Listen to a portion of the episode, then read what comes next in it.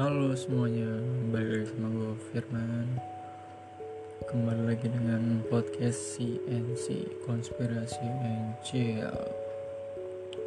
Di episode, episode ketiga kali ini gue bakal membahas uh, Teori konspirasi tentang bumi datar. Ya.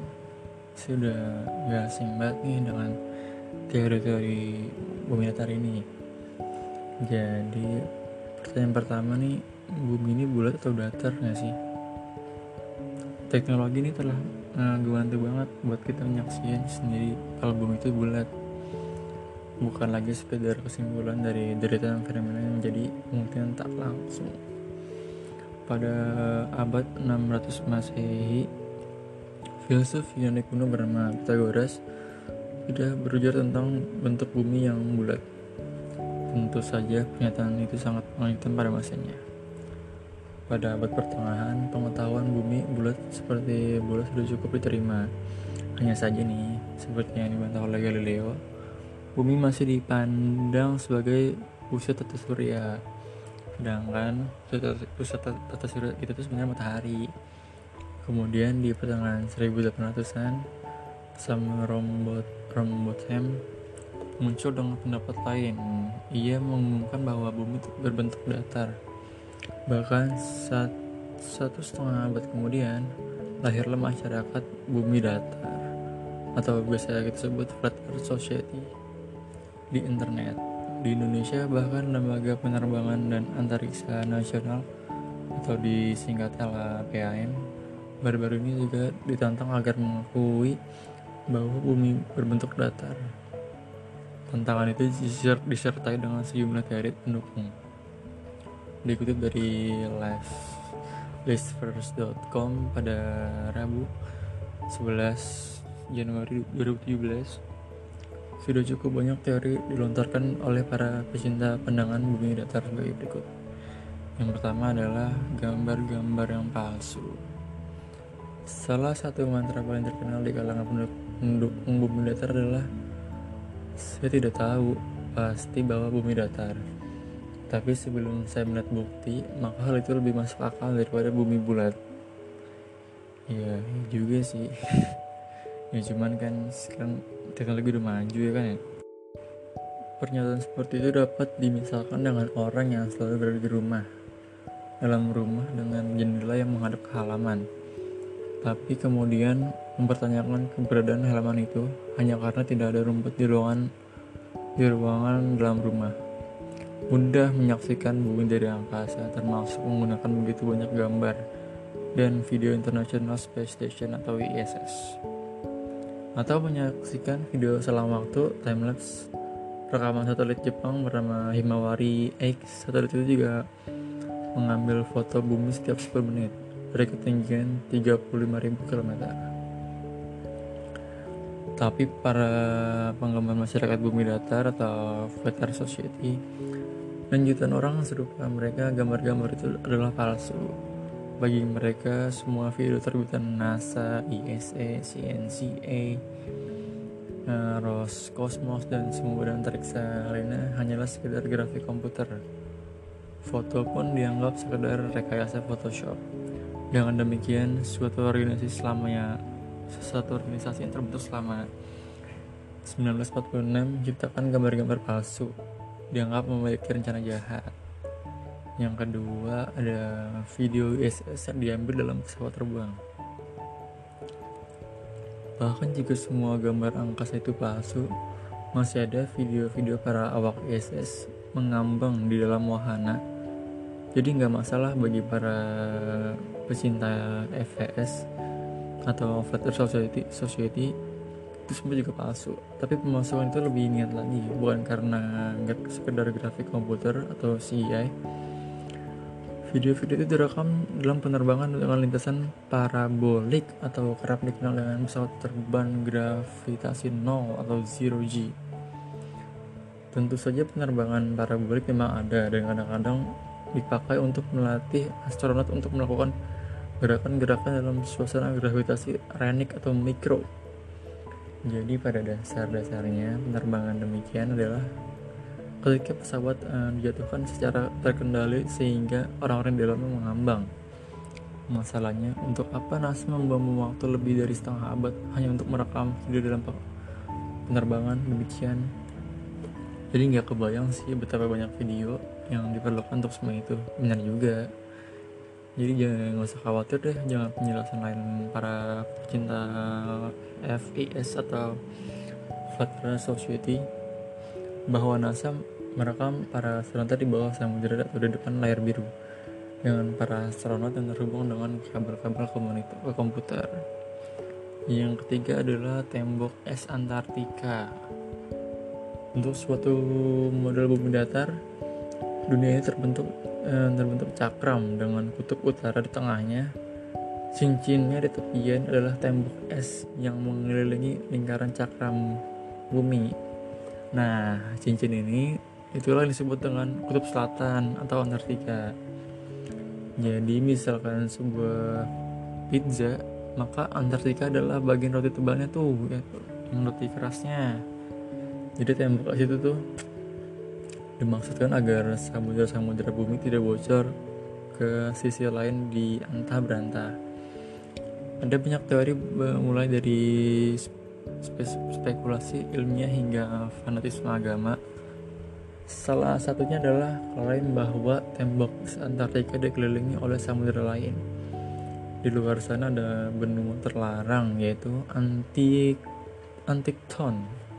Ya baru dengar nih gua. Sama Rombotham menyerah melakukan tebakan dengan dengan enteng mengatakan pemahaman, pemahaman manusia terhalang oleh es abadi tak tersembus membentang lebih jauh daripada yang dapat dilihat mata atau teleskop dan tersesat dalam bayangan atau kegelapan. Jadi udah banyak nih penjelajah yang melintasi Antartika sehingga kutub selatan seakan-akan telah menjadi tujuan wisata. jadi sukar dibayangkan sih jadi ada orang yang jatuh ke perbatasan es abadi. Yang keempat bumi ini nggak melengkung jadi di Google nih banyak nih foto-foto yang foto-foto langit deh yang di foto tuh jadi bumi itu nggak melengkung jadi nggak usah heran sih kalau ada pendapat seperti ini ya karena emang begitulah adanya di planet bumi yang datar. Tapi ketika belum ada bukti dari satu atau stasiun angkasa angkasa jangan heran kalau klaim ini menyebar luas. Jadi ini yang mungkin jadi permulaan semuanya. Jadi mari kita lihat dulu nih alasannya. Jika orang-orang memandang ke garis cakrawala tanpa terputus kelihatannya seperti satu garis yang datar kan jadi seandainya bumi ini bulat maka harus ada lengkungan di suatu tempat. Kayak sebuah bola.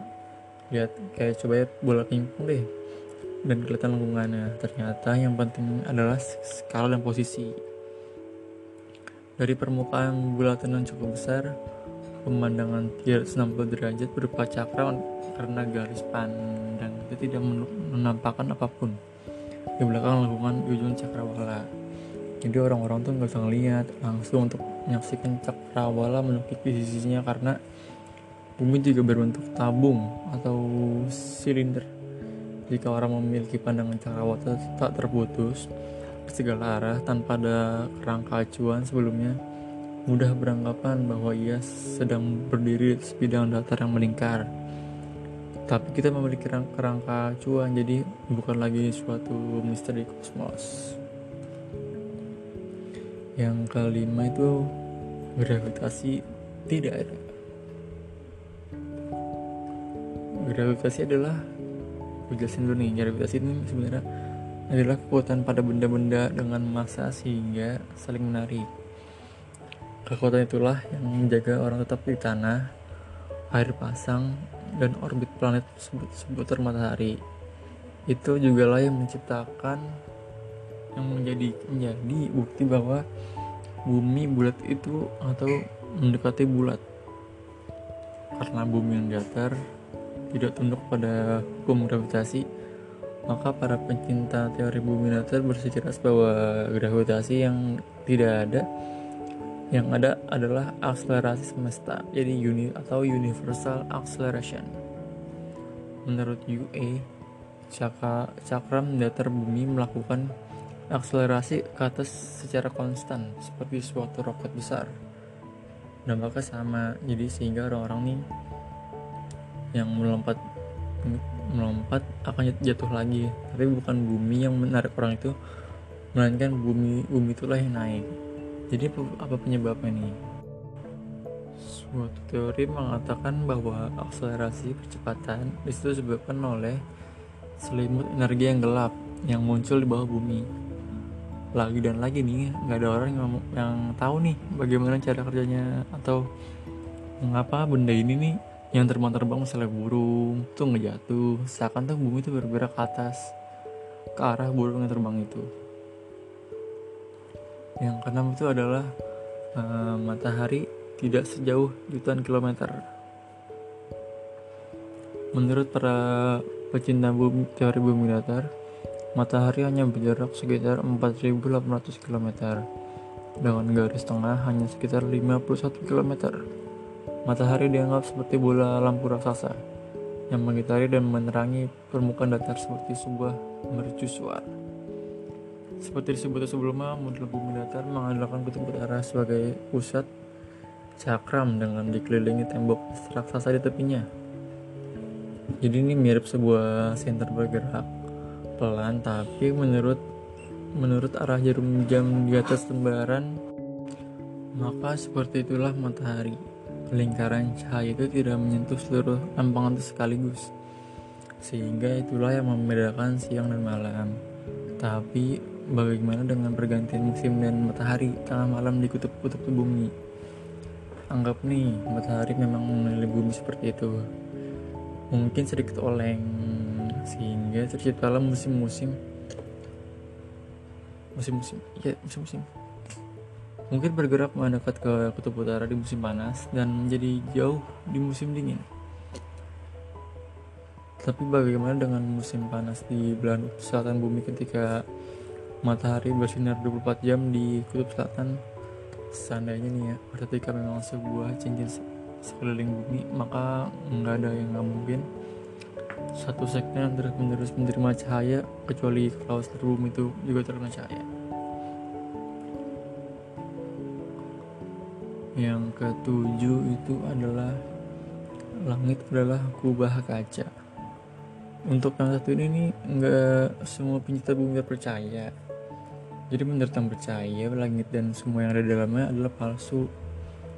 Kita sekedar melihat ke melihat kubah yang menyembunyikan angkas yang sesungguhnya jadi nggak ada yang tahu nih apa ada apa ya di, di atas sana? Karena kubah itu tuh menghalangi jarak pandang kita mungkin ada ada alien. Mungkin ada alien mungkin. Asal mula teori kubah mengacu pada ayat yang menyebutkan Tuhan memasang lengkung langit-langit di atas bumi. Beragam teori tentang apa yang dibalik kubah itu bermacam-macam ada yang menduga samudera raksasa atau hampaan yang luas. Banyak orang mengatakan bahwa matahari dan atmosfer berada di, berada dalam kubu itu. Bahkan kubah dianggap sebagai eh, pemegang kedudukan atmosfer, jadi bukan gravitasi.